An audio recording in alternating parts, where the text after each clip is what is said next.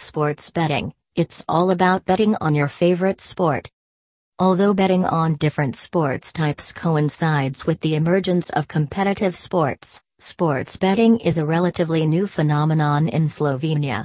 For many years, you could only bet on a few select bookmakers that created a kind of monopoly on the market.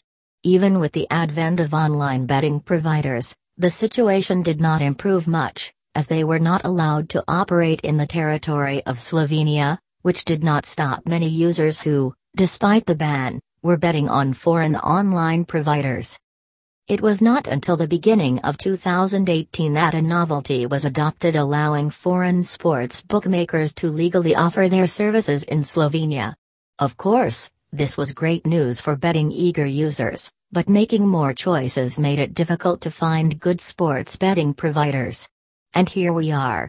Here you will find extensive bookmaking guidelines and tips, as well as unbiased online bookmaker ratings that will certainly make your decision easier.